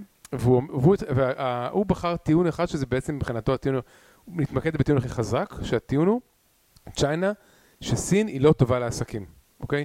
ומהרבה סיבות, למשל כל הסיפור של ה-IP, כל הקטע שאתה יכול לסמוך על הממשלה, כל הקטע של הברנדים, זה שהם עושים שם כאילו אה, מחנות אה, ריכוז ל Uyghurs, כל מיני, כל הדברים שהם בעצם גורמים של חוסר יציבות, שאם אתה רוצה business במדינה מסוימת, אז זה, סין היא לא, היא לא good news, זה bad news. והוא אומר, כמו שפעם היה, נגיד, היה אומרים שלא פיטרו אף אחד שקנה IBM, כי כאילו זה אף פעם לא הייתה החלטה שבגללה מפטרים אותך, אז הוא טוען שהיום, בגלל כל הבע... שהבעיות עם סין כבר פחות או יותר ידועות, ואפשר להזהיר אנשים מלא לעשות עסקים איתם, עכשיו, אם מישהו עכשיו יחליט להתחיל לעשות יותר קשרי עסקים עם, עם סין, והוא יידפק מהסיבה, מכל הסיבות האפשריות ש... כן. שהוא מדבר עליהן, אני- אז כאילו האחריות עליו, והוא לא יכול להגיד לא ידעתי. אז כלומר כן מגיע שיפטרו אותו. אז אנחנו דוגמה חיה של אה, לא להשקיע בסין, נכווינו בהשקעה היחידה שאי פעם עשינו במניה סינית. מה שקורה זה שהשקענו במניה של חברת אגורה, הסימן של ה-API, אתם יכולים לראות את ההתרסקות של המניה בימים האחרונים. הסיבה שהשקענו בחברה הזאת זה שמשתמשים בטכנולוגיה שלהם בחברת קלאב-האוס, של... אה, זה שהיה איזה טרנד באופן זמני. כן, היה איזה טרנד, אבל אני בדקתי, וזו חברה שהיא חברה גדולה, שנותנת גם שירותים לכל מיני סקטורים בסין, ובין היתר לתחום של education, מכיוון שכל מיני שיעורים פרטיים משתמשים בטכנולוגיית האודיו שלהם. ומה שקרה שלשום, זה אני מקריאה עכשיו את החדשות, The biggest news out of China is that the entire Chinese education industry collapsed overnight. China, הכוונה government, is banning for-profit education companies. הם פשוט החליטו, הממשלה של China, של סין, החליטה שהם לא אוהבים את זה שיש כל מיני חברות שעושות כסף מ-education, והם עכשיו אה, רוצים להשתלט על זה, ואסור להם פשוט להיות יותר סחירות בבורסה, אסור להם כאילו לעבוד בשביל profit, והן צריכות להפוך ל non profit. זה בכלל נראה לך הגיוני שאפשר לדמיין כזה שינוי שהממשלה החליטה שזה לא מתאים לה? זה, עכשיו, זה חברות, יש שם איזה שש או שבע חברות שהנזק הוא, אני לא יודעת, בביליאנס, כאילו, זה חברות שעשו המון המון כסף והיה תעשייה שלמה. והם פשוט ריסקו את זה, עכשיו מנסים להסביר למה הם בכלל עושים את זה, אז יש להם שם איזה תוכנית כזאת, זה מזכיר קצת את ברית המועצות, יש שם איזו תוכנית אה, כאילו לשנות את כל הקטע של כל השיעורים פרטיים, שאחרי צהריים ההורים משקיעים המון המון כסף בכל ילד, ומלמדים אותו מהבוקר עד הערב, ובמקום זה הם רוצים להשקיע בלהגדיל ילודה, כאילו יש להם איזה כזה תפיסה מפלגתית שצריך לשנות משהו, אבל אני חושבת שבעיקר מה שאנשים אחרי זה אמרו, שהם פשוט רוצים מאוד להחליש את ה private, את הכוח של כל מיני מיליארדרים, ובמיוחד רוצים להשתלט על תחום החינוך, שזה ברור שהמפלגה כאילו לא אוהבת שיש, בתחום החינוך אין, כאילו, אין, תח- אה, אין להם שליטה מלאה. ש- וזו נקודה חשובה לשים לב שגם בארצות הברית יש ויכוח מאוד מאוד מאוד נוקב בין ה-unions שרוצים לגמרי לעשות פדרליזציה של החינוך פה ו- ולגמרי לדחוק את החינוך הפרטי ובכוחות אחרונים פה, הרפובליקנים, בכוחות אחרונים מנסים... בכמה מדינות ספציפיות, כן. הם הצליחות ל... הצליחו לנתק את הקשר בין המימון של... ת- להעביר את זה ממימון פר בית ספר למימון פר תלמיד. זאת אומרת כן. שתלמיד יכול לקחת את את המימון שלו ולעבור כן. לבית ספר אחר. נכון, יכול ללכת לבית ספר דתי, יכול ללכת לבית ספר אנתרופוסופי, בית ספר ש... ששם דגש על מתמטיקה וכולי, ואני אומרת לך, הרפובליקנים נלחמים על זה בשיניים. ואני חושבת שזה מקרה אבוד בקליפורניה, בקליפורניה כאילו זו השתלטות מוחלטת, אבל אני חושבת שהקטע הזה של ה-private sector בחינוך הוא לדעתי סופר חשוב, סופר חשוב שיהיה גיוון, ואני כבר אומרת לך שאני לעולם לא אהיה בצד של אלה שעושים דברים דומים לסין, כן? שהדמוקרטים ישכחו מזה, שהרעיונות שלהם יותר מדי זה ממש סין, כל הרעיונות שלהם, אני מצטערת. נכון? טוב, אז הבן אדם השני שרציתי להגיד שנלחם בגופים חזקים, פחות או יותר, האמת שראיתי היום, יכול להיות- ויכול להיות שהמלחמה היא לא כזאת ארוכה, כן? זה מרק לוין, שהוא אה, מגיש בפוקס ועוד כמה דברים, כתב גם ספר אה, מאוד, מסתבר מאוד מצליח כרגע, אה, שהוא עשה קטע שלם על איך שהניו יורק טיימס במשך אה, כל המאה ה-20, הוא תמיד היה בצד של הרעים. הוא היה, אה, הוא כיסה, הוא חיפה על השואה מהצד, כאילו, זה ידוע אגב. לא, כן. הוא הסתיר דברים מהשואה. ידוע לא לכולם, אבל אה, זה... כן. חיפה על פחות, מה שסטלין עשה איזשהו רצח עם באוקראינה, שהרעיב את כל אוקראינה, ברור. הוא חיפה על הדבר הזה, כן? וגם אה, הוא, אה, בזמן שקסטרו היה, הוא גם פחות או יותר הציל את קסטרו בזכות אה, דיווחים, אה, שקריים, מניפולטיביים. כן. וכאילו לגמרי, הוא אומר, ניו יורק טיימס זה פשוט כאילו, אה, אה, אה, הוא מנוהל, הוא כאילו owned על ידי איזושהי משפחה או משהו כזה, של כל השנים האלה, וזה פשוט הדעה שלהם, הדעה שלהם זה קומוניסט, זה מרקסיסטים. אני לא יודעת אם אתה זוכר שאנחנו דיברנו על זה לדעתי באחד הפרקים הראשונים, עוד מזמן, מזמן, מזמן, לדעתי דיברנו על האטלנטיק, לא. איזה עיתון אז דחף שקר על טראמפ על זה שהוא נגד הטרופס? אטלנטיק, כן. שגם כן היה שם איזו עמדה כזאת, שהיה להם כמה כתבות מפתח בהיסטוריה. אני לא זוכרת ספציפית למה מתכוונים, שממש ברמה של לגמור, לגרום למלחמה. כי מה לעשות, שדעת קהל זה דבר מאוד מאוד חזק. ועיתון שהוא חזק, שיכול להשפיע, יש לו גם אחריות לא להסתיר דברים, אבל כשהוא דוחף איזה נרטיב שקרי, זה יכול לעשות נזק ברמה של ממש לשנות את מהלך ההיסטוריה. ואני לא כן. לא זוכרת מה היה הסיפור שם באטלנטיק, אבל היה משהו מה, מהסגנון הזה. אז מרק לוין גם הסביר שקרל מרקס עצמו, הוא בעצם היה עיתונאי. הוא בעצם כל, כמעט כל הקריירה שלו... נו, ותיאודור הרצל, מה הוא היה? הוא גם היה עיתונאי, שנייה, נכון? אבל כמעט כל הקריירה שלו, הוא חקר את התחום הזה של פרופוגנדה, של שימוש בעיתונאות לצורך פרופוגנדה. זאת אומרת, זה חלק מהדברים הכי הכי בסיסיים בחשיבה של קרל מרקס. בוודאי, אני כן. חושבת, כן. אגב, אגב, במובן הזה, גם טראמפ, הסיבה, למשל, שהוא משתמש בשפה כזאת מאוד בעייתית, ואתה יודע, כי הוא למד שאתה חייב להגיע לחדשות. אם אתה לא מייצר חדשות, אז אף אחד לא מכיר אותך. ואז אתה צריך לסרט את עיגולים ליד הכיסאות. לא, אם החדשות רוצים... תראה, שוב, אם... דרך אגב, שים לב שזה לא כזה פשוט. אם הפרופגנדה עובדת לטובתך, אבל אתה לגמרי חסר כריזמה, זה גם קשה, כן? צריך איזשהו שילוב מינימלי של כריזמה מינימלית. אה, פרופגנדה לבד, אנחנו עכשיו במצב שלא מספיק. כאילו, ברור שעדיין יש אנשים שהולכים ל-CNN וקוראים... אז מי היה? נגיד אובמה, היה לו גם פרופגנדה בדיוק, וגם כריזמה. בדיוק, כן. בדיוק. אז זה למשל דוגמה שנגיד קלינטון, אני חושבת שגם היה לו הרבה כריזמה. אה, או כן. GFR, כן, אה, איך קוראים לו GFR? אין לו... FDR. FDR, איפה הבאתי את זה? כן, אבל עם ביידן זה באמת, כאילו, דוגמה, אני חושבת שתיחקר בהיסטוריה. של איך בן אדם לחלוטין, לא רק שחסר כריזמה, כאילו, טוב, יש, טוב, אתה יודע מה, זו נקודה טובה לעבור לביידן. באמת, אתה יודע מה, הבאת לי להנחתה. אז אני חושבת שבאמת ה... התוכנית הכי טובה בעיר, בעיר, לא יודעת איך אומרים את זה, בשבוע האחרון, היה הטאון הול של ביידן ב-CNN. עכשיו, ברור ש-CNN זה אמרנו פרופגנדה, הם באמת עשו את כל המאמץ האפשרי לעזור לו לצלוח את הטאון הול הזה, אבל אפילו CNN לא הצליחו. כן, הם לא שמו את העיפרון הכי מחודד בתור מנחה. לא קשור, אורי, הם באמת עשו את המקסימום, ובאמת זה היה פשוט, אה, כאילו, כמה שזה היה מצחיק, אני מעולם לא צחקתי ככה, אפילו אורי. שנייה, סליחה. אני ישבתי ואורי ממש צרח עליי שאני אפסיק לצחקק, ואני כל הערב שראיתי... מזכירה לי את קמאלה כבר, צחוקים האלה. הוא לא, פשוט לא, הוא ממש כאילו, ממש היית נחמד. אבל תודי שאת לא ראית את כל הטאון, את ראית רק את הקטעים כן, מה לעשות, אבל אורי, אם אתה מגיע למצב שאתה הצלחת להביא כאלה קטעים מביכים, אז אני מצטערת. אז אני חייבת, אז אני רגע אה, אגיד מה היה כאילו הפדיחה שבאמת כולם... תקריא את הטוויט אחד. אני אקריא, אני אקריא, כן, אבל אני צריכה למצוא את זה, שנייה. אל תשמיע, אני אומר, תקריא. לא, אני לא אשמיע, כן, לא אשמיע. עכשיו תבינו, זה לא בעיה באנגלית שלי, זה באמת ג'יביריש. ואת לא מגמגמת בזמן ההקראה. כן. כן. And the question is, whether or not we should be in a position where a, why can the experts say, we know that this virus is in fact is going to be, or excuse me, know why the old drugs, the older drugs approved are not temporarily approved and but permanently permanently approved. That's underway too. בקיצור, אז גם אחרי תרגום ואחרי ניסיונות, אתה מכיר גם יש את הקטע הזה... יכול להיות לקרוא את זה מהסוף להתחלה, אבל זה...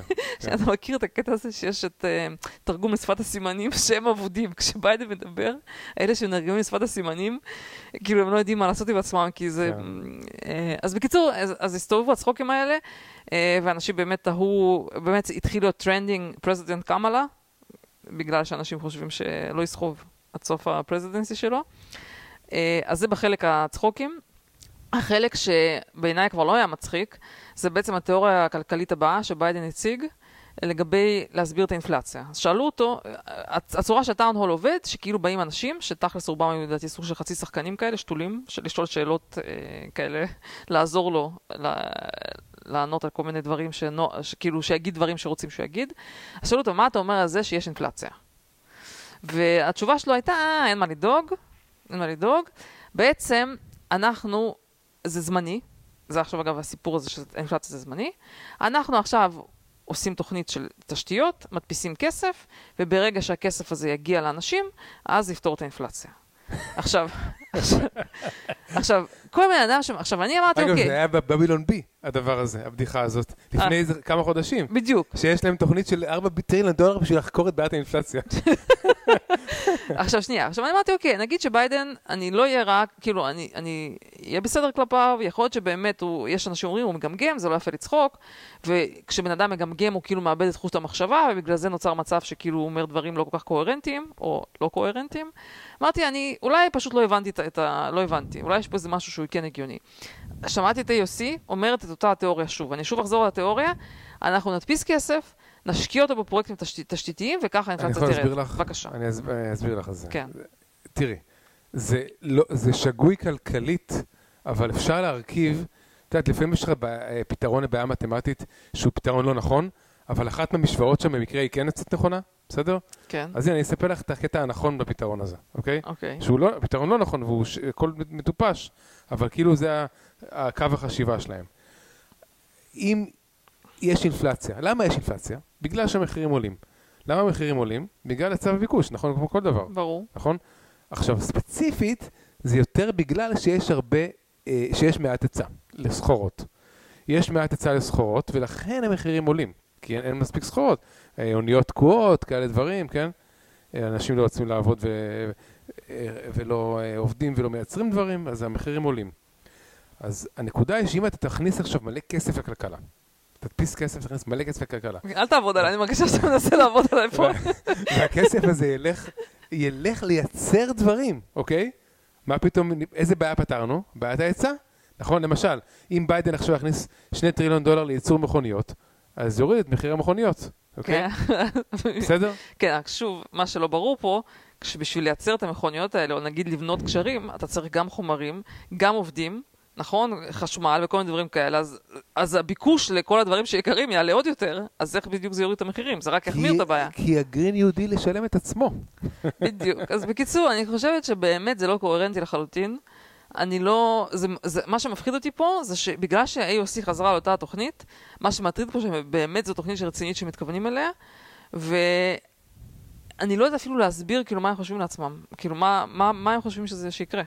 אז או שהם באמת מקווים שזה יסתדר מעצמו, והם ידפיסו את הכסף קצת לפני הבחירות, אנשים יקבלו את הכסף, ירגישו עשירים, יצביעו להם, ואללה בבעלה אחר כך, או שאני לא יודעת מה התוכנית שלהם. הם, כמו שספורטאי מת, אה, מתאמן לאולימפיאדה, בשביל להגיע לאולימפיאדה בשיא הכושר שלו, אז הם מת, אה, מתאמנים בשביל להגיע לבחירות, לבחירות האמצע, בשיא המדיניות הסוציאליסטית של לשלם כסף לאנשים. הם מתכננים את הניצחון שלהם. לא, תראה, שוב, יש להם, אני מבינה את ההיגיון של כל מיני דברים שהם עושים, אבל באמת, אני חושבת שפה זה לגמרי. טוב, בואו נמשיך רגע לנושא הבא. אני כן רוצה להגיד, אתה הזכרת את הבבילון בי בזה, ואני הופתעתי שלא לא מספיק אנשים מכירים, אז תדעו שכמו שיש גם להומור בארצות הברית מפלגה, סאטירה. לסאטירה יש מפלגות, אז למשל, לסאטירה של השמאל יש את אה, The Onion, שזה אני חושבת שהרבה כן מכירים, שהוא הפסיק להיות מצחיק בשנים האחרונות, כי אסור כאילו לצחוק, בגלל כל ה politically correct, לא באמת מצחיק. והסאטירה של הימין, The Babylon Bee, שהוא דווקא די מצחיק. אני באמת לפעמים אה, זה, אבל צריך להגיד שגם ביידן השבוע לא היה צורך בבבילון בי, כי הוא פשוט היה בעצמו מקור, אה, מקור מצחיק. אממ, טוב, היה לי עוד משהו מעניין על ביידן, אבל נמשיך. טוב, הנושא הבא, אמרתי לך שאני מתלבטת אם לקרוא לפרק, אני לא יודעת אם אמרתי לך את זה בעצם. אני לא יודע, אז לא צריכה, כן. בסוף נחליט את ה... לא, אני התלבטתי. בין, כאילו בין קומדיה לטרגדיה, זה הטאון הול של ביידן, שמצחיק אבל גם לא כזה מצחיק, ורפובליקת בננות, שזה בעצם החלק הבא שאני רוצה לדבר נראה עליו, לי שכבר היה לנו פרק עם הכותרת הזאת, רפובליקת בננות. כן. אז מה, מה לעשות? זה-. זה מתחזקת, רפובליקה בננות 2. טוב. אמ, אז, אה, אז למה, למה חשבתי לקרוא לפרק רפובליקת בננות? עכשיו, אמרנו, עכשיו הסיפור שעכשיו אני הולכת לספר הוא, הוא די שוקינג, ובן אדם ממוצע יגיד, בגלל, זה קונספירציה, לא יאמין לסיפור הזה, אוקיי? עכשיו, במיוחד בגלל שאנחנו אולי מדברים... על תספרי את הסיפור. לא, בגלל ש... במיוחד בגלל שאנחנו מדברים פה על הרבה קונספירציות, אנשים עלולים לחשוב שזה עוד אחת מהקונספירציות שאנחנו מעלים פה. אבל חשוב לי להדגיש שהפעם זה לא קונספירציה, אני לא יכול לשמוע את ההקדמה הזאת. תצטרך לשמוע עכשיו אוקיי. למה זה לא קונספירציה הפעם, מכיוון שהסיפור הזה הגיע ממקור שמאלי. זאת אומרת, זה, זה, ברג, ברגע שאתם רואים מקור שמאלני ששובר את הנרטיב של המיינסטרים, אז אפשר להניח שרוב הסיכויים שהסיפור נכון. בסדר? ולכן אני רוצה שתבינו שזה shocking, אבל true.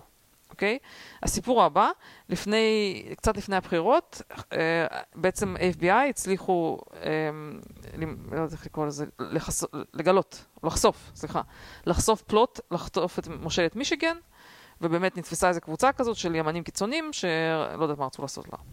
עכשיו, עכשיו יש משפט, והתברר במשפט שמתוך 16 אנשים שתכננו את החטיפה של המושלת, 12 היו אנשי FBI, הם בעצם היו לא, cover agents. אי אפשר לעשות כתבי אישום נגד 12 מתוך ה-16 האלה. כאילו בעצם הרוב... בגלל שהם היו בעצם מודיעים של ה-FBI. כן, זאת אומרת, רוב האנשים שהשתתפו בתכנון ובכל הכסף והכל, הם בעצם היו בעצמם מודיעים, הם, הם נקראים, איך המילה באנגלית? informant של FBI.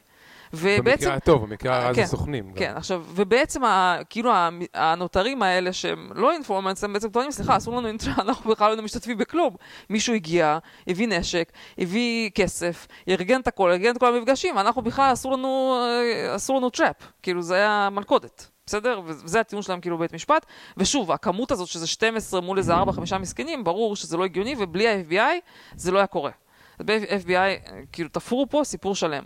עכשיו, זה, הרבה אנשים מדברים על זה במשך שנים, ש-FBI תופרים דברים, והם מאוד מאוד לא הוגנים, ומשתמשים בהרבה מאוד טקטיקות מסריחות שעשו אותם בחו"ל, גם בתוך ארה"ב, ולוקחים מתנגדים פוליטיים ועושים נגדם סיפורים, אבל הסיפור הזה לדעתי הוא כאילו באמת שוקינג, ומה שבעיקר מטריד בו, שזה היה כל כך סמוך לבחירות, ומי שהרוויח מכל הפשע המבוים הזה, זה המושלת של מישיגן שהיא דמוקרטית, שהרוויחה המון נקודות מזה שכאילו ניסו לחטוף אותה, ואיזה מסכנה היא והכל. ומצד שני, כאילו טראמפ ותומכיו שוב יצאו פסיכים אה, ימנים משוגעים שניסו לחטוף את המושלת. שבפועל זה הכל היה שקר. עכשיו, זה מביא אותי למשהו יותר מעניין, זה שעכשיו יש בעצם את החקירה הזאת של השישי, מה שקרה בשישי לינואר, אוקיי? והיום אני ראיתי וידאו, יש שמועות, זה כבר אני עוברת לאזור הקונספירציות. יש שמועות שגם בשישי לינואר היו 아, דברים... אה, הווידאו שראית זה לא רלוונטי. זה שקר? כן, זה לא... אוקיי. יודעים מי זה הבן אדם הזה שאמר את זה, זה לא... זה לא, שמה? זה לא פד. זה לא פד? לא, קראתי את התגובות שם. אוקיי, הנקודה היא כזאת, שיש, בכל מקרה, אבל יש קונספירציות ויש שמועות על זה שגם בנושא הזה השתתפו, זה לא הווידאו היחיד אגב, ראיתי מגוון כן. וידאוים, שגם שם כנראה היו אנשים שחלק כאלה. מהאנשים שיותר היו אה, אגרסיביים כן. בניסיונות לפרוץ ולשכנע אחרים, זה בעצם אנשים שהם היו סוג של עובדים כן. ב-FBI. עכשיו, אני. כרגע מתייחסת לזה בגלל הקונספירציה, אנחנו נראה את המשפט, נראה את זה, נראה את הסוף. אבל, כן. אבל, אם אני אגלה שאפילו אחד היה אותו סיפור כמו מושלת מישיגן, שלא יבוא, אני לא רוצה לשמוע על הסיפור הזה יותר. אם אפילו אחד, לא הבנתי מה תעשי לו. לא, אני לא רוצה שאף אחד בכלל ידבר איתי טראמפ וזה, הסיפור הזה מבחינתי לא לא קרה שה-FBI בעיה שלהם. כאילו, מה- אני אומרת לך, מבחינתי מספיק, אני, מספיק שהיה סוכן אחד של FBI שהשתתף בזה, וכאילו עשה. אינסטיגיישן, לא מעניין אותי לשמוע כל הסיפור הזה. שזהו. טוב, בינתיים הם גם לא משחררים את הווידאוים. לא משנה, אנחנו זה- נראה מה יהיה בסוף החקירה, ומה יצא, אבל אחרי הסיפור של מישיגן, אני חושבת שזה כל כך מבייש, מה שקרה שם, שהם צריכים לעשות בדק בית. שנייה, אני רוצה להגיד עוד, עוד מילה אחת אה, בנושא הכלכלי, דיברנו על המניה של אה, המניות הסיניות, ואני רוצה גם להזכיר את נושא הביטקוין, כי שכחתי. אז אה, בואו נראה רגע, הביטקוין כרגע חזר לעלות. אה, כן, כן, חזר לעלות יפה. וחדשות הביטקוין, אני מרגישה צורך לעדכן את כולם, זה שהיה בעצם ועדה השבוע שג'ק דורסי, אה, אילון מאסק וקת'י ווד עשו בעצם שיחה על זה שביטקוין זה חשוב, וזה, וזה עתיד, ותולים הרבה מאוד תקוות בביטקוין. אני חושבת שג'ק דורסי אפילו מש, אמר משהו בסגנון שזה יציל את האנושות, או שזה כאילו המפתח ל, לחיים טובים יותר. ואני חושבת שכמו שאמרנו, יש את הביטוי המפורסם הזה שבאפט אמר never bet, bet against America, הייתי אומרת, כאילו, לא הייתי bet נגד כזה צוות חזק של שלושת המוסקיטרים האלה, במיוחד אילון מאסק, never bet against מאסק.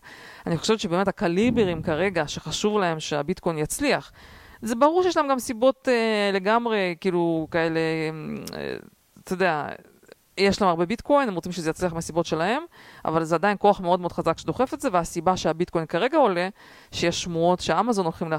יאפשרו לקנות דברים בביטקוין, אה, וזה לדעתי כבר ממש לא יודע חזרה מזה.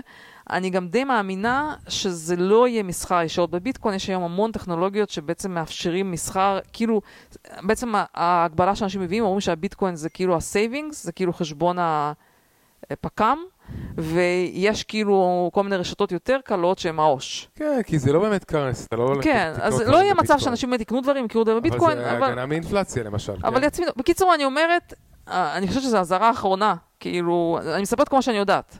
אז שמה לעשות, שלא מצליח, כמה שמנסים לבעוט בביטקוין הזה כן, ולחבוט בו, לא לדעתי לחברות מצליחים. הענקיות האלה יש פשוט הרבה מאוד קאש, כן. והן מפחדות מאינפלציה. אז... אה, יכול להיות, ש... יכול להיות שזה גם הסיבה, אבל תראה, יש עליהם גם בטח גם לחץ, גם לא, אבל ת... אה, תראה, גם בתוך ארצות הברית צריך להבין שגם בפד וכל אלה, הדור הישן, ברור שהם כאילו יותר קונסרבטיביים, לא אוהבים את הביטקוין, אבל כל הצעירים הרבה יותר אוהבים. כאילו, אני חושבת שיהיה מאוד קשה... אה, בקיצור, אמרתי את מה שיש לי יש להגיד. לי טוויט אחד כן. ממש קצר, בדיחה על, אה, על, על, על ג'ף בזוס, אה, אם זה כבר אנחנו נכנסנו לזה. אה, אז שהוא טס לחלל, אם את זוכרת את הצורה של החללית שלו, כן? כן, ג'ני. כן. אם כולם ראו את הצורה של החללית, אז אה, טוויט של מתן בלומנבלט. זה בכלל נחשב שג'ף בזוס היה בחלל? נראה לי שהוא הכניס רק את הקצה. כן, אז אמרתי לך, התשובה שלי שלא נחשב.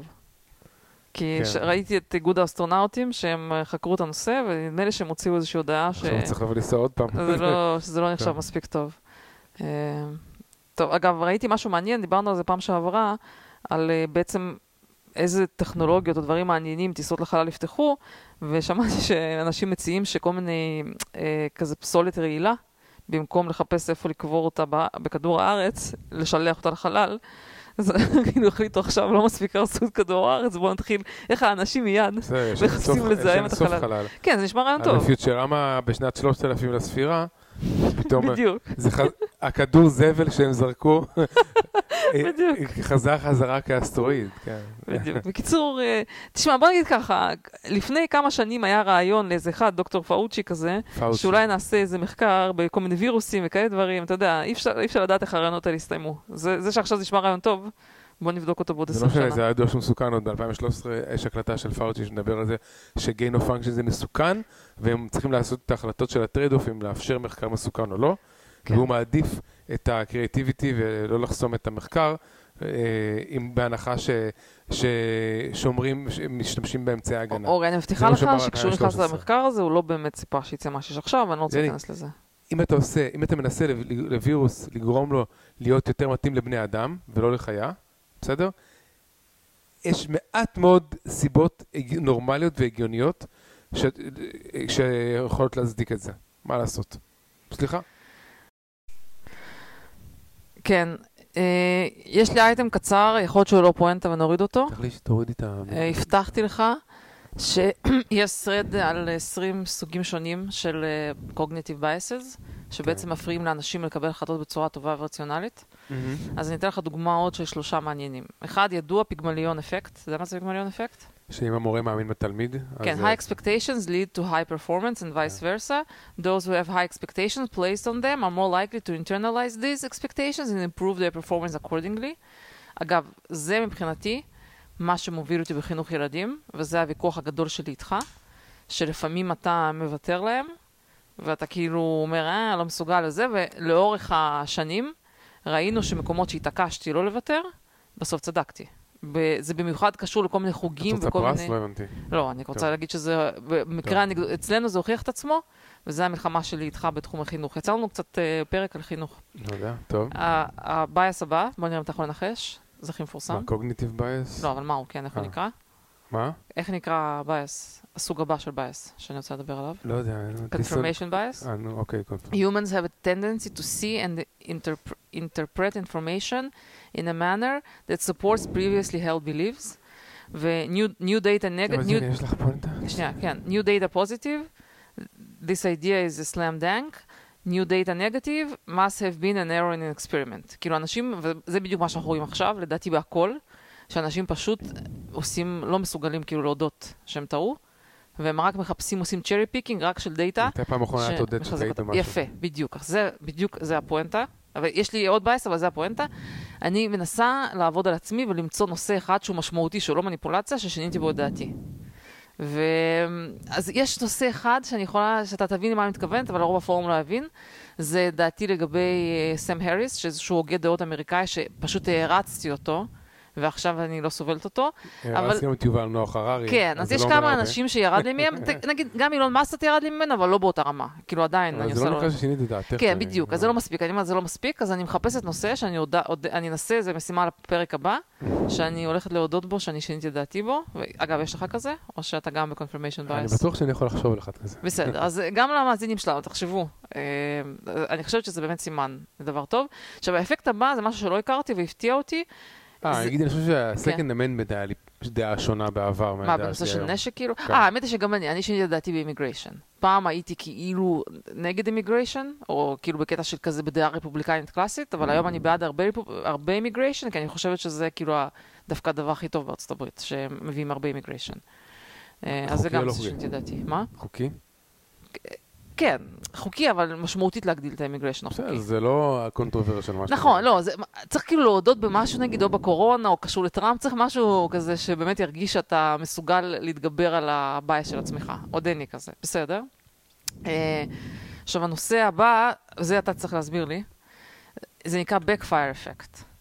The Backfire Effect, אנחנו עוברים עכשיו על כל ה... זה האחרון. אוקיי. פשוט מעניין. The backfire effect is a tendency, is the tendency for humans to use evidence in direct conflict with their thesis, thesis to further strengthen their previously held beliefs. It, it is a more dangerous version of confirmation, confirmation bias, also less common and scientifically contested. עכשיו, כאילו, כמו שאני מבינה את הדבר, זה הסיפור של דאבל דאון. שנגיד היה לך איזה תיאוריה גרועה, נגיד הדמוקרטיה היה רעיון גרוע של defund the police, כן?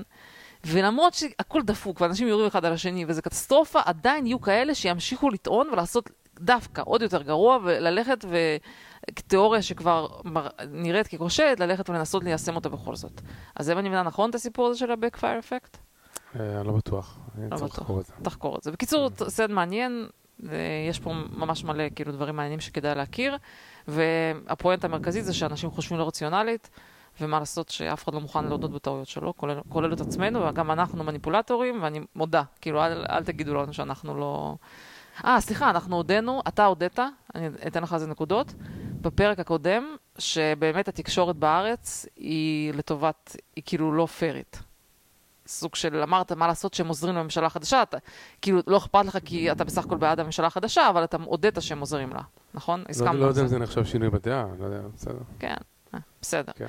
טוב, אה, סו- בגדול יש לי רק אה, נושא לסיום, אלא אם כן אתה רוצה להגיד כאילו, משהו. מה עשית לי בעצם? כל הזמן היה לי דברים שרציתי לדבר עליהם, כן? כן. כי זה- אני, אין לי, לא בא עם רשימה. אני, יש לי כן. דברים שפתאום קופץ לי רעיון אסוציאציה לנושא שלך. מהמם. אבל כאילו ייבשת אותי, ועכשיו כל הרעיונות שהיו לי, אז אני כבר לא זוכר, אני לא יכול לקשור אותם לשום דבר, אז כבר נראה כזה לא קשור לכלום. אה, דבר אחד שרציתי להגיד, כן, זה ששמתי לב שגם בהפגנות באוסטרליה, נגד ההגבלות של הקורונה, גם שם אני ראיתי דגל ארה"ב בקהל. זאת אומרת, גם בקובה ראינו דגל ארה"ב, וגם באוסטרליה. זה בעצם אומר, ו- אנשים בעולם מעריכים את הדגל הברית והסמליות שלו יותר גדולה. זה באמת סמל לחופש. ברור, כאילו, זה- בוודאי. חוץ מהאמריקאים, שהם לא, שהם לא כולם מבינים את זה.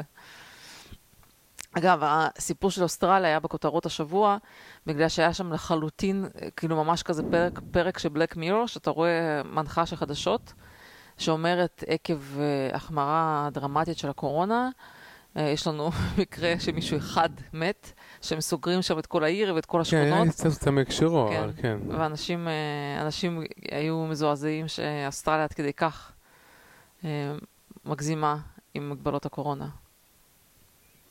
טוב. כן. אמ, אז מה, אין לך עוד שום דבר? כן, אני רק רוצה כן לסיים, ל... לא, יש לי כמה דברים, אבל נראה לי שמספיק לפעם. ואני רוצה לסיים בשיר שאתמול נפלה עליה לסת, ששמעתי אותו, ואני חושבת שזו הגדרה מילולית של כישרון. אה, שיר זה מכוכב... מהכוכב הבא. שיר מהכוכב הבא, וגם הו, אני ואורי, לשם שינוי, הסכמנו שזה באמת שיר מעולה, ואורי כרגיל אמר איזה משהו, לא זוכרת מה היה, לא, היה- אני- היה לך משהו ש- לא נחמד לא, קודם כל. זה- זה זה לא שיר חדש, שיר מוק- כאילו ידוע, אבל עם עם גרסה.